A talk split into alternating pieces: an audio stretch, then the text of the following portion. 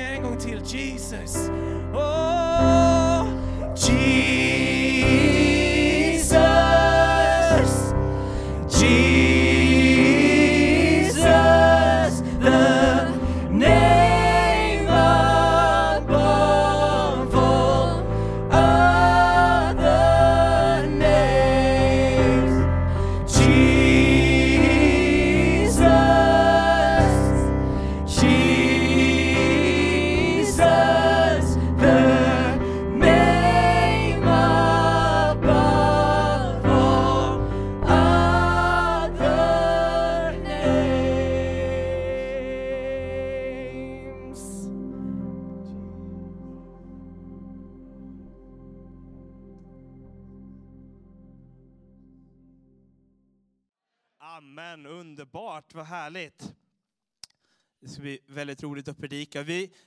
temaperiod som eh, handlar om lyft blicken.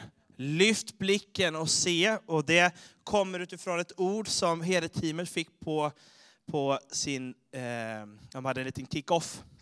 Och jag var sjuk så jag missade det, men jag har fått höra exakt vad allting som har berättats. Så då så kom ett ord till dem ur Johannes kapitel 4 och Maria hon predikade om det här söndagen innan fastan. Och då så står det så här i Johannes kapitel 4, vers 35. Säger ni inte fyra månader till, sedan kommer skörden. Men se, jag säger er, lyft blicken och se hur fälten har vitnat i skörd. Redan nu får den som skördar sin lön. Han samlar in frukt till evigt liv så att den som sår och den som skördar får glädja sig tillsammans. Så här är ett ord, lyft blicken och se, det finns skörd som har vitnat. Det finns skörd som har vitnat. Och jag tänkte på det här, lyft blicken. Varför behöver man säga lyft blicken till någon? Igår så var jag och min fru, min älskade babe Lova, som sjöng så fint idag. Eh, och, och vi började lite miljöombyte. så ja, vi kan ge en applåd faktiskt, det är hon värd. Och då var vi och handlade lite grann och så stötte vi på en bekant här på köpcentret som eh, han stod där och han hade hörlurar på sig som, som var noise cancelling så att man inte hör någonting runt omkring. Och så gick han, tittade han i sin mobiltelefon, och så gick förbi och så tittade vi efter honom, försökte vi vinka så här. Han var helt i sin telefon så han såg ingenting. Så att han såg aldrig att vi försökte få kontakt med honom, för han hade inte lyft sin blick. Min lillebror, vi är uppvuxna i Göteborg, och där finns det många skyltar och mycket som händer på gatan. Och han har varit mycket tänkare när han var liten och då gick han en gång på gatan, eller vi gick hela familjen.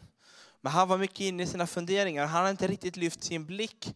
Så där någonstans mitt i centrala Göteborg så gick han med huvudet ganska så sänkt och ganska nedsjunken i djupa, allvarliga tankar. Mycket allvarliga. Han var lite lillgammal när han var liten så här, och muttrade, så här, lärt sig rösten från Mulle Meck. Och den använde han ganska mycket, så, här, så mörkt han kunde fast han var ganska liten. Och så gick han och plötsligt bong, så slog han i huvudet i någonting. Någon hade ställt en lyktstolpe precis där han skulle gå, som bara attackerade hans huvud, bara bang! Och förstörde hela den här förmiddagen för min stackars älskade lillebror. Och så är det ibland att när vi inte har en lyft blick så ser vi inte riktigt vad som är runt omkring. Och ibland ser man människor som inte har en lyft blick. De går ner, går runt med en blick som inte är lyft. Och så kan man ibland känna sig lite orolig, så här, hur, hur är det?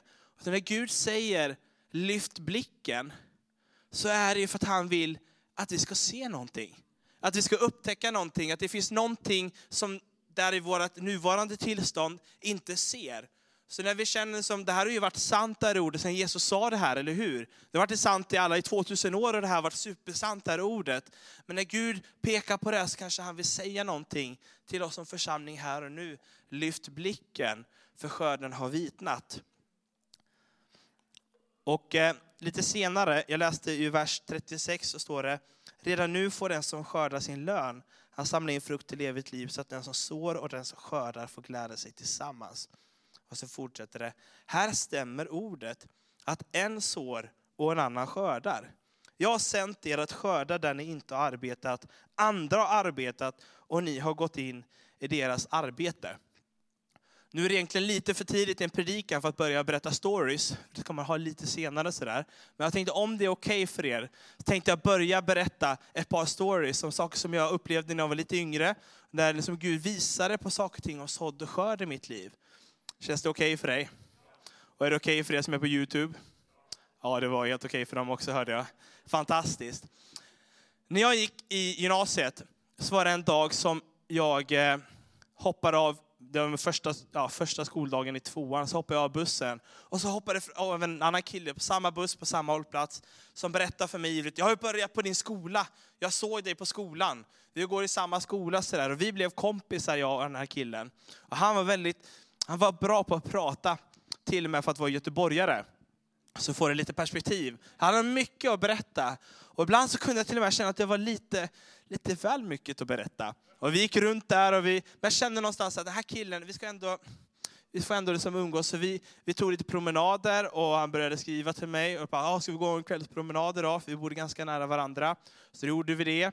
Och sen så ibland dök han bara upp utanför dörren och knackade på. Jag tänkte vi kunde ta en promenad. Ja, ah, okej, okay, visst. Så gick vi och vi pratade och vi pratade och pratade och vi började prata väldigt mycket om Gud. Han var ingen aktiv bekännande kristen, var inte något kristet hem. Men vi började prata jättemycket om Gud, vi började prata om tungotal, sådana centrala saker i den kristna tron. Vi började prata om eh, hur man driver ut andar, eller livet med den heliga ande. De här viktigaste ABC-kunskaperna för att kunna bli frälst. Det var väldigt mycket, så här, på, på mycket så här, ja, men special things. Så där. Och vi pratade, han, man märkte att han läste på också mellan gångerna. Så här, och var väldigt intresserad. Och vi pratade om Kenneth Hagin, kanske några av er vet vem han är. Vi pratade om Ulf Ekman och massa olika saker. Och till slut så, ja, men så var han ju kristen. Och han var med sådär. Tills en gång då vi hade en kristen skolgrupp skulle han pålysa för hela gymnasiet att vi hade ett läger på helgen. Och han var så nervös, jag förstod inte varför han var så där. Han var helt skakig och vit, nästan grön i ansiktet. Han stod där uppe och berättade om det här lägret. Och han glömde säga hälften av alla saker. Det var ingen som visste när det var eller någonting sådär. Men han var jätteskakig, så gjorde han det, kom han ner och sa, hur gick det? Jag minns ingenting. Jag bara, det var jättebra. Fantastiskt. Och så förstod jag sen att ja, jag har inte riktigt sagt till någon att jag, att jag är kristen. Så det var alltså hans sätt liksom att breaka för hela skolan att han också var en kristen nu, så här, som hade börjat följa Jesus. Men när jag lärde känna han lite mer så insåg jag att några år tidigare så hade han varit på konfirmation. Som jättemånga är. Och där på konfirmationslägret så hade han efter något han tyckte det var ganska tråkigt, berättade på de här samlingarna. Då hade han tittat upp mot himlen och sett att det var massa stjärnor. Och där så hade Gud mött honom. Han hade fått ett gudsmöte som ganska snart efteråt liksom rycktes bort. Och det här med Gud blev ganska distanserat. Han började ägna sig åt lite tvärtom saker ett tag. Men ytterligare ett gäng år innan så hade han gått i en skola tillsammans med en annan kompis till mig. Och den här kompisen hette Jonathan. Och Jonathan, han är en sån här mattekille. Om du tänker dig en mattekille i skolan, precis som var han i skolan. Men han hade ett block, ett matteblock, så här rutigt block. Som jag, jag hade inte så mycket sådana hemma hos mig. Och så hade han en sån här äh, mattehandstil. Hur många vet hur en mattehandstil ser ut? De som älskar med matte? Nej, Emanuel vet inte. Men det är lite så här kråkfötter, så här, väldigt svår, svårtydd. Du behöver uttydningens gåva för att kunna läsa det här. Men han, han kunde läsa de här hieroglyferna som han hade skrivit i den här boken. För det hade han börjat skriva böner och bönämnen. Och redan när han gick i småskolan, när de var typ sju, åtta år gamla, så insåg jag att den här killen, han behöver Gud. Han hade varit den som sprang och jagade äldre barn med järnrör på skolgården. Och gjort ganska mycket. Så han hade fått lite nöd för honom. Så när han kanske var åtta år, sju år, så hade han skrivit den här killens namn i sin bok. Och varje kväll så tog han fram den här boken, och jag har sett den här boken, han har fortfarande det, jag tror fortfarande han ber den här varje kväll så tog han och så bläddrade han igenom. Och så bad han för den här eh, kompisen. Och kanske tio år senare så tog han emot Jesus. Någon fick skörda, men det var någon som hade sått. Jag hade ingen aning om det här när jag började lära känna honom, när jag började prata med honom. Men jag visste att Gud ville någonting. Det fanns en skörd som var redo att hämtas. Men innan dess så var det någon som hade sått. Och precis så där är det hela tiden. En annan gång, några år tidigare, då hade jag hållit på med kristna skolgruppen, i, då var jag ännu mindre, då var jag i högstadiet. Och där så bad vi jättemycket. Och jag, jag fick gudsmöten när jag var 12 år ungefär. Och då blev det, liksom, det var lite så här turn or burn kristendom som, som blommade i mitt inre. Och då så bad vi för vår skola. Vi var några stycken, så vi brukade be en halvtimme en gång i veckan innan skolan började. Och vi bad, vi hade hört att det varit profetiska ord tidigare om, om änglar och svärd som inte var i funktion. Och då så vi, stod vi på det här profetiska ordet. Ingen av oss visste vad det betydde. Vi visste knappt hur man bad, men ändå så bad vi och så härjade vi på. Liksom. Under de här typ, ungefär två åren som jag höll på, så såg vi nästan ingenting. Och vi bad och vi bad och vi hade satsningar och jag funderade många gånger på vad gjorde jag för fel egentligen? Och sen några år senare så står jag i en kyrka och vi väntar in på någon gudstjänst och så hör jag några prata bakom mig i den här kön som var in på den här gudstjänsten. Och de börjar prata om min gamla högstadieskola. Och jag ryggar till så här, börjar lyssna, tjuvlyssna. På ett kristet sätt. Och eh, så det här då kristna tjuvlyssnandet, så lyssnar jag bak så här och så hör jag dem berätta att det börjar hända saker på min skola. Och jag bara, det här var lite spännande, så här, det har inte gjort någonting, jag har aldrig sett någonting. Och först tänkte jag, jag har ju aldrig, varför har jag inte fått se det här? Och så började han berätta att människor, unga människor på min skola hade börjat möta Gud. Och det har varit liksom en vecka, det var som att Guds ande hade svept i korridorerna. Flera hade blivit frälsta, några hade bara börjat gråta från ingenstans. Och bara, jag behöver Gud. Några hade blivit helare, de hade bett för några som hade bara fallit i, i backen. Och det var som hänt saker, Guds ande hade rört sig. Men så var det som att Gud visade, men Elia, du har ju sått. Du har sått och du har sått. Och jag har en jättefin svärfar. Och han är bonde. Och han har ett en ganska litet bruk så här, och han har en kor där. Fjällkor. Och så har han lite olika åkrar. Och han sår varje vår. Och varje sommar och in på hösten så skördar han. Och han får alltid så och alltid skörda det som han själv har sått.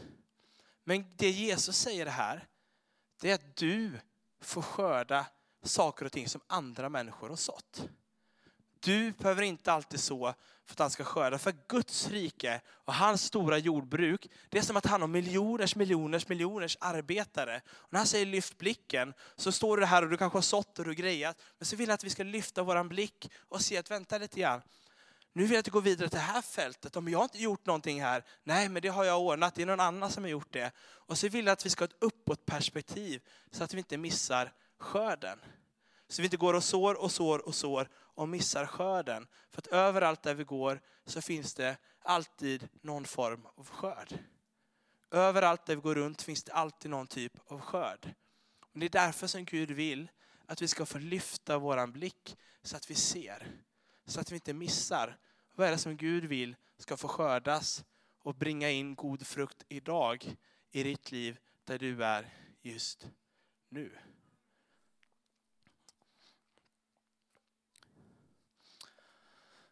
Jag har med mig en liten kruka. Och jag har börjat med en ny hobby. Som handlar om att plantera frön. Jag, har inte så där, jag, har, jag är inte så duktig på det här och det här är ett av mina senaste misslyckanden. Den här krukan står det så här, jag har satt, man inte ska glömma bort, jag har googlat och lärt mig mycket hur man ska göra, men ändå så funkar det inte alltid. Och här ska det bli jamaicansk chilifrukt. Bell pepper står det på paketet. Och jag har satt i ett frö här och det här var ganska många veckor sedan. Och jag har lyst med lampa och jag har värmt på det och jag har grejat. Men ingenting har hänt. Det är som att det här jorden har varit lite väl stum. Nu har jag googlat lite grann och jag har försökt ta reda på lite olika saker. Hur kan jag få det här? Och igår så planterade jag två nya. Så jag tänkte nu kanske det händer någonting. Vi får se. Jag vet inte var vi ska sätta dem för vi har så mycket växter nu efter jag gifte mig. Så eh, ja, det är kanske är lika bra att de inte dör. Men, eh, men på något sätt tänker jag så här, något sätt borde det här funka. Men ibland så har jag märkt att våra hjärtan är lite grann som den här krukan. Och att när ord och tilltal kommer till oss och Gud vill säga någonting till vår församling, säga någonting till dig, så är det som att det kommer ett litet frö och det kastas och våra hjärtan är som den här krukan. Och så blir det liksom, ja visst det här är jättebra, kommer in i huvudet och sen så landar det här ordet någonstans och så händer det inte så mycket. Jag kommer ihåg för några år sedan så märkte jag att i mitt inre så var det som att det blivit lite stumt.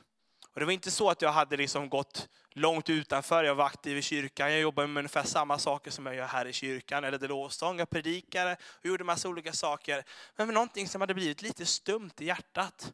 Om någon sa någonting så här jättestarkt halleluja, så märkte jag att jag, kanske, jag visste ju så här, ja, men jag tar emot det så där, och någon kanske bad någonting. Men det var som inte riktigt att det svarade. Och det var liksom ingen, ingenting som hände i mig. Det var ingen glädje. Jag ska komma ihåg ett tillfälle när Gud tala till mig, eller försökte tala till mig. Och så sa han en sak, och jag försöker att inte berätta för mycket om det, för då tänker man att det kanske är någon som är dum som inte var dum och sådär. Men, och så var det som Gud, Elia, det är, det är dags för det här nu. Och så märkte jag att i mitt inre kom det en röst där jag tänkte så här, men Gud, så god kan väl inte du vara mot mig? Och så ryggade jag till, va? Jag vet ju att Gud är god så här, men i mitt inre så var det som att jag börjat få lite distans. Där Gud kanske inte är riktigt så god emot mig. Och jag hade börjat distansera mig, kanske flyttat bak några steg. Lite grann i mitt inre, det var inget som kanske folk märkte eller tänkte på. Men i mitt inre så var det som att det inte riktigt hade blivit den här jorden där alla grejer som Gud ville säga eller Gud ville göra eller tala ut sådär, att det gav något svar utan det bara vart stumt. Och kanske är det så också när vi börjar prata om den där lyftblicken och det händer massa grejer, att någonstans så studsar det lite grann. Och fröet som Gud vill så, det som han vill ge, det skjuter inte liv. Det får inga rötter. Där vi är någonstans. Och om du känner så, och jag tror att det kanske är sant för oss allihopa på olika sätt eller på olika nivåer, så vill jag säga några ord till dig som kan hjälpa dig och mig att ta itu, eller låta Gud få ta itu med det här i våra hjärtan som blir lite stumt ibland. Du vet när det inte riktigt är så att det bara halleluja eller studsar till eller jag känner att här, det känns lite torrt. Kanske du går igenom olika saker. Där i den situationen jag hade varit i så hade jag hade gjort ganska mycket grejer och gjort rätt saker. Men jag märkte sen efteråt när jag tittade tillbaka på det att jag hade kanske gjort det på ett sätt som inte Gud hade tänkt. Det var som att jag typ skyfflade bort massa snö, men så hade Gud, vad heter de här maskinerna som man kan köra för att snöslunga? Gud hade gett mig en uppgift, skotta bort den här uppfarten. Och jag hade tagit mig an den här uppgiften. Okej, okay, jag gör det. Och så hade jag min lilla spade. Och jag hade skyfflat och skyfflat och skyfflat. Men så hade Gud också gett mig en snöslunga som jag, hade som, ah, va? Som jag inte hade tänkt på. Jag hade inte ens sett det, för jag hade gjort så mycket grejer med mina egna tankar. Och så insåg jag nu efteråt att den perioden när det kanske var så där stumt, så hade jag varit lite besviken på Gud. Hur kunde du göra så här? Hur kunde du sätta mig i den här situationen? Hur kunde den här personen göra så här? Och det har liksom smugit sig in lite saker och ting. Och kanske du har varit med om saker och ting som har smugit in lite besvikelse i hjärtat. Kanske du har erfarenheter där du upplever och bett saker och ting och det har inte hänt. Kanske någon som du känner, som du bad för och trodde Gud om ett helande, inte blev frisk. Kanske det inte riktigt blev som du hade önskat med någonting. Och så smyger det sig in lite besvikelser och lite grejer som gör att här jorden blir lite hård, lite svårarbetad för fröna att komma igenom. Kanske man är lite själsligt trött. Man känner, orkar inte en grej till. Va? Ska vi, ska vi arbeta mer? Va? Vadå skörd? Så här, jag har fullt upp med det som jag står i nu. Liksom. Gud, nu får du skärpa dig. Lugna ner dig lite grann. Och så har vi med oss massa olika saker som gör att det Gud vill göra inte riktigt landar.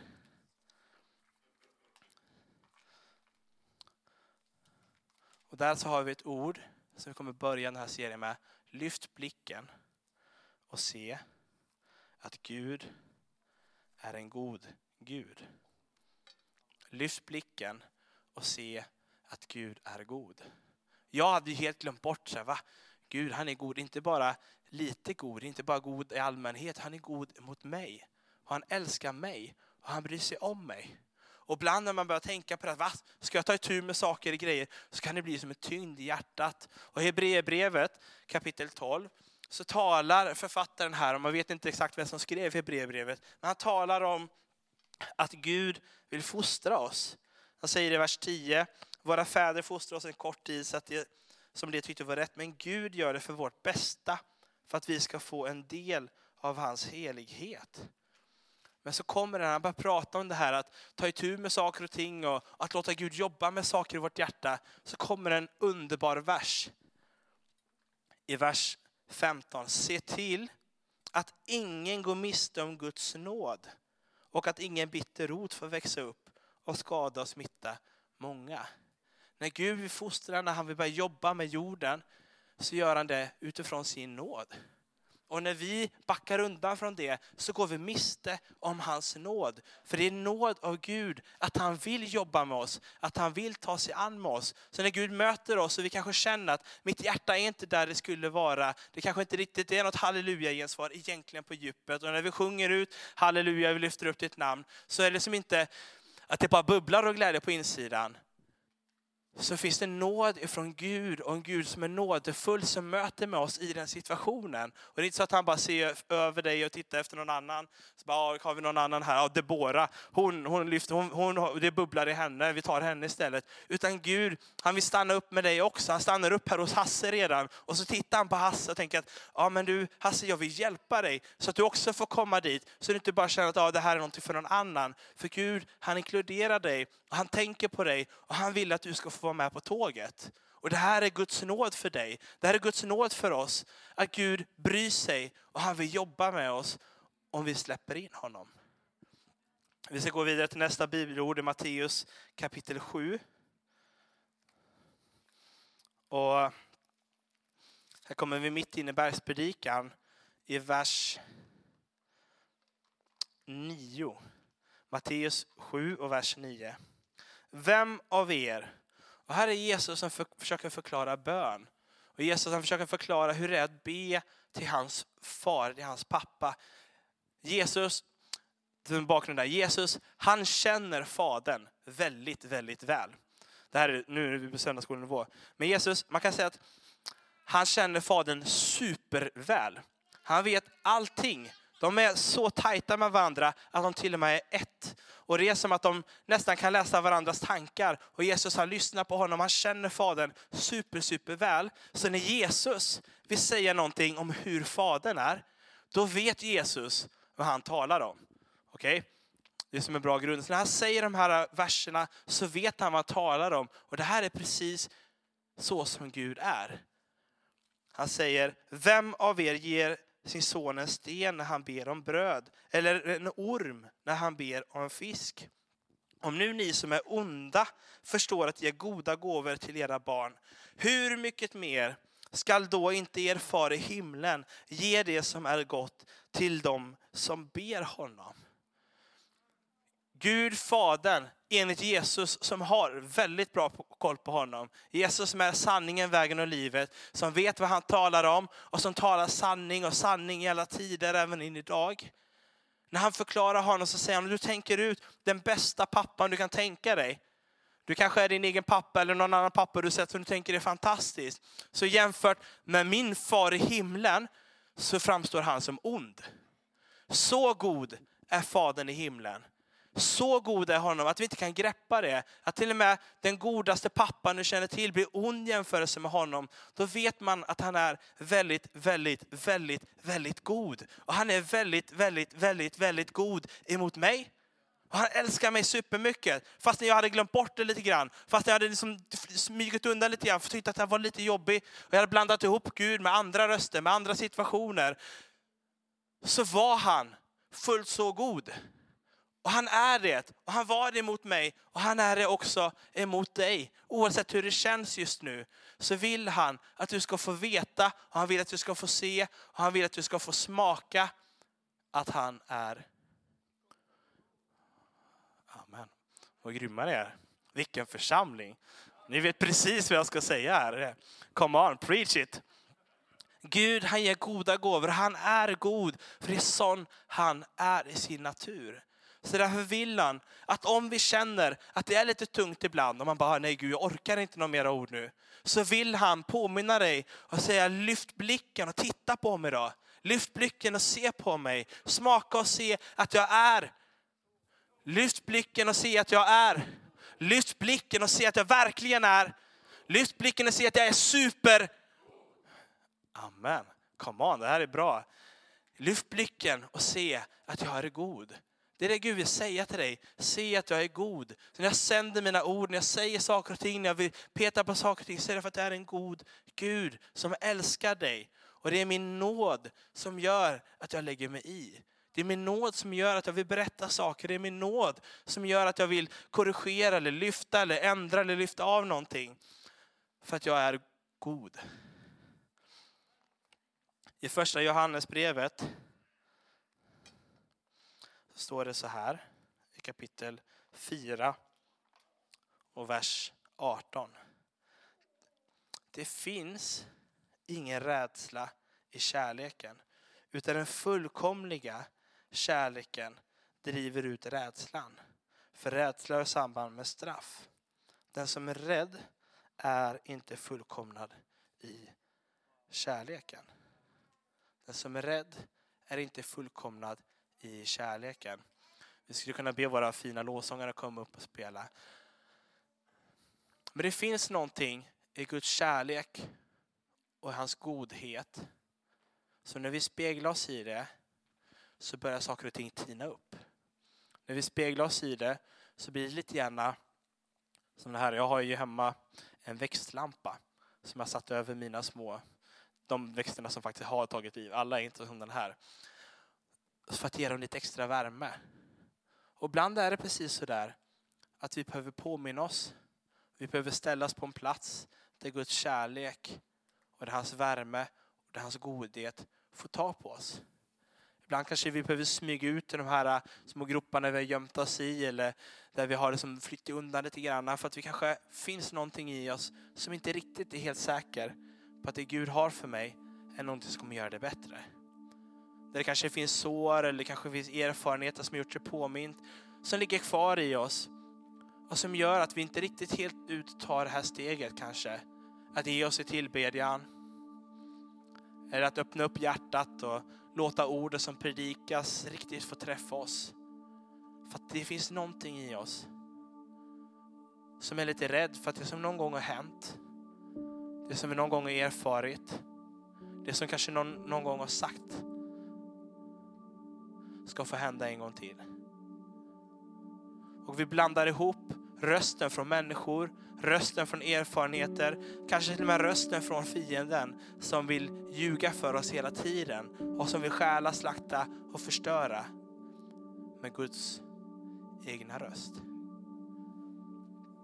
Men den här söndagen, i den här serien, så stannar vi upp för att ge Gud en chans att tina med sin kärlek. Och ett ord som har kommit också är med regn. Det är inte bara värme som behövs, inte bara ljus eller syre och en bra jord. Det behövs också lite vatten. Och här är en vattenspruta som man har för att inte alla frön ska glida all världens väg. Och när man går då så sprutar man lite grann med den här över de här växterna så här. Och så kommer det lite fejkregn.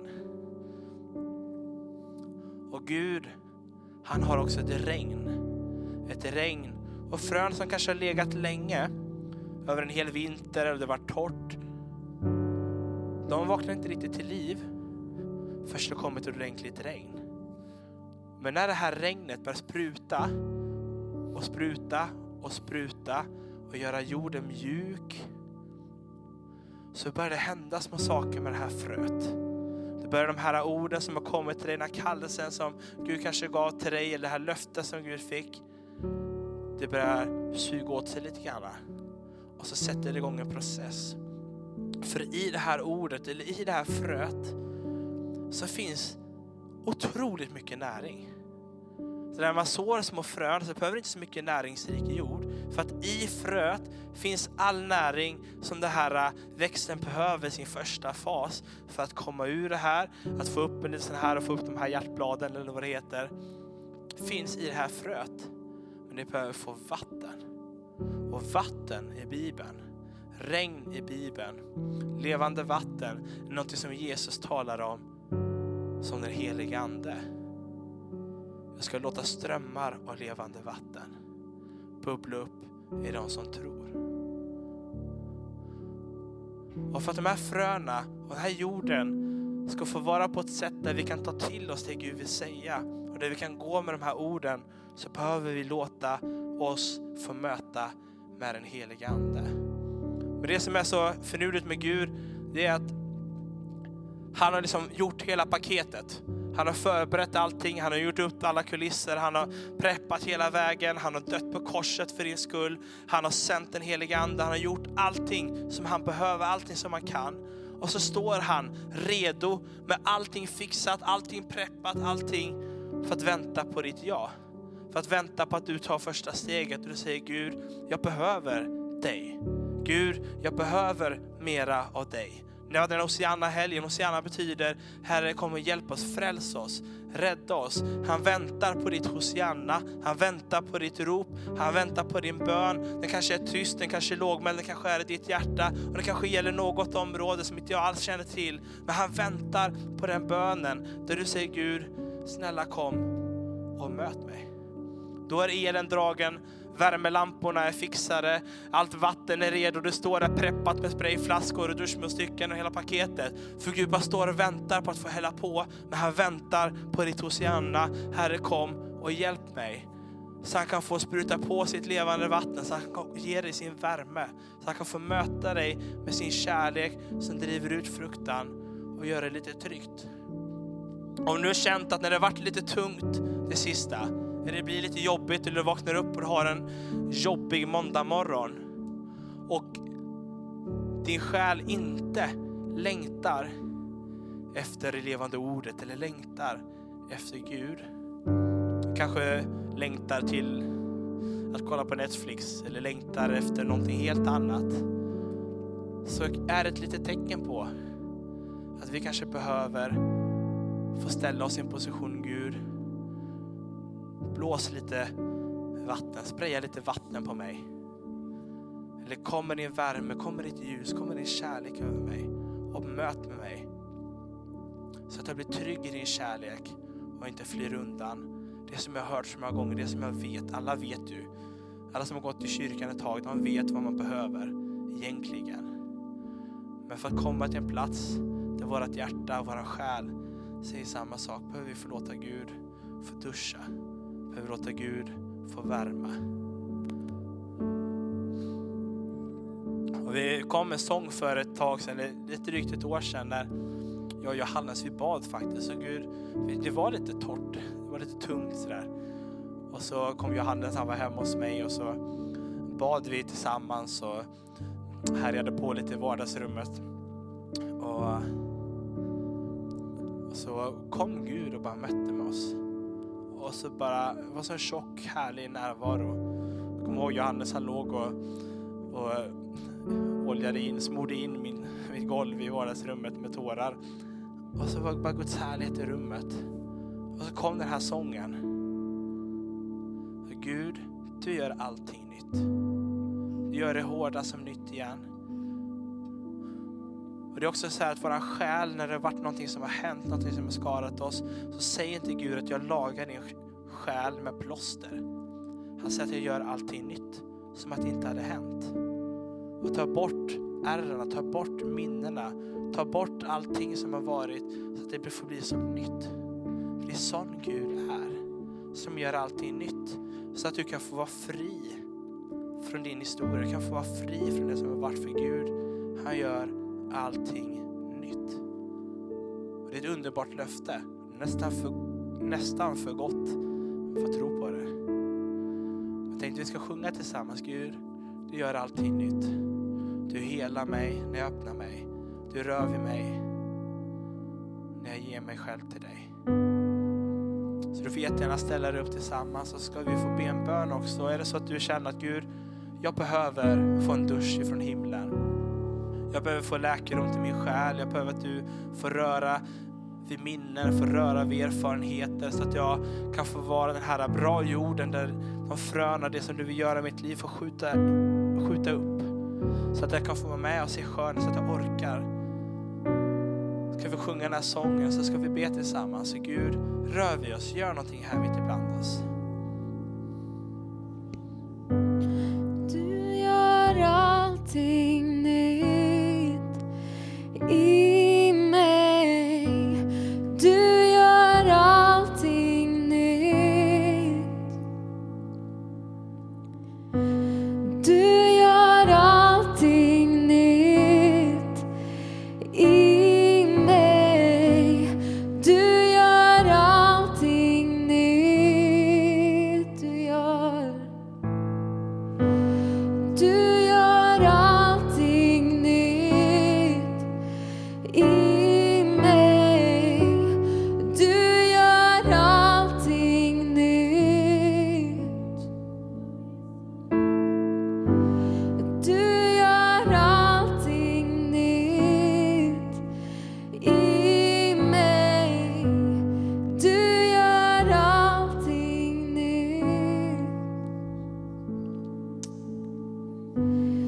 Jag öppnar mig.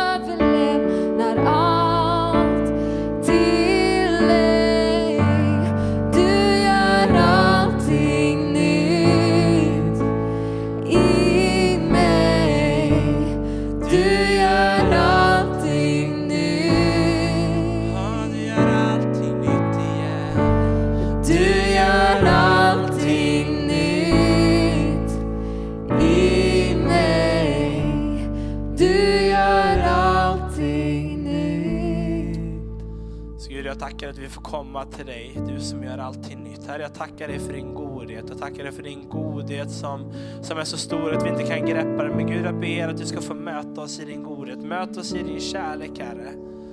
Och Gud, jag bara tackar att om det är så att vi någon känner Gud, jag behöver bara få lite nytt regn över mig. Jag behöver få lite, en ny tid där jag behöver få, låta dig få bearbeta min jord. Så bara tackar dig Gud att du just nu kommer till var och en här inne som känner Gud, jag behöver mer av dig. Gud, jag behöver att du får göra någonting. Jag behöver få en ny jordmån i mitt inre. Jag behöver få komma tillbaka till den här platsen där jag vill bara längtar efter mer av dig. Jag behöver komma tillbaka till en plats av längtan, en plats av helhetslängtan, en, en plats av att Gud, jag behöver bara få, få möta med dig. Jag behöver få smaka på din härlighet. Gud, jag vill komma tillbaka till den första kärleken där det inte bara är en pliktkänsla som driver mig, inte bara är logiska argument som driver mig, utan ett inre längtan, en hunger och en längtan att få sätta dig först, att få ha dig som första prio i varje område, i varje del, Herre.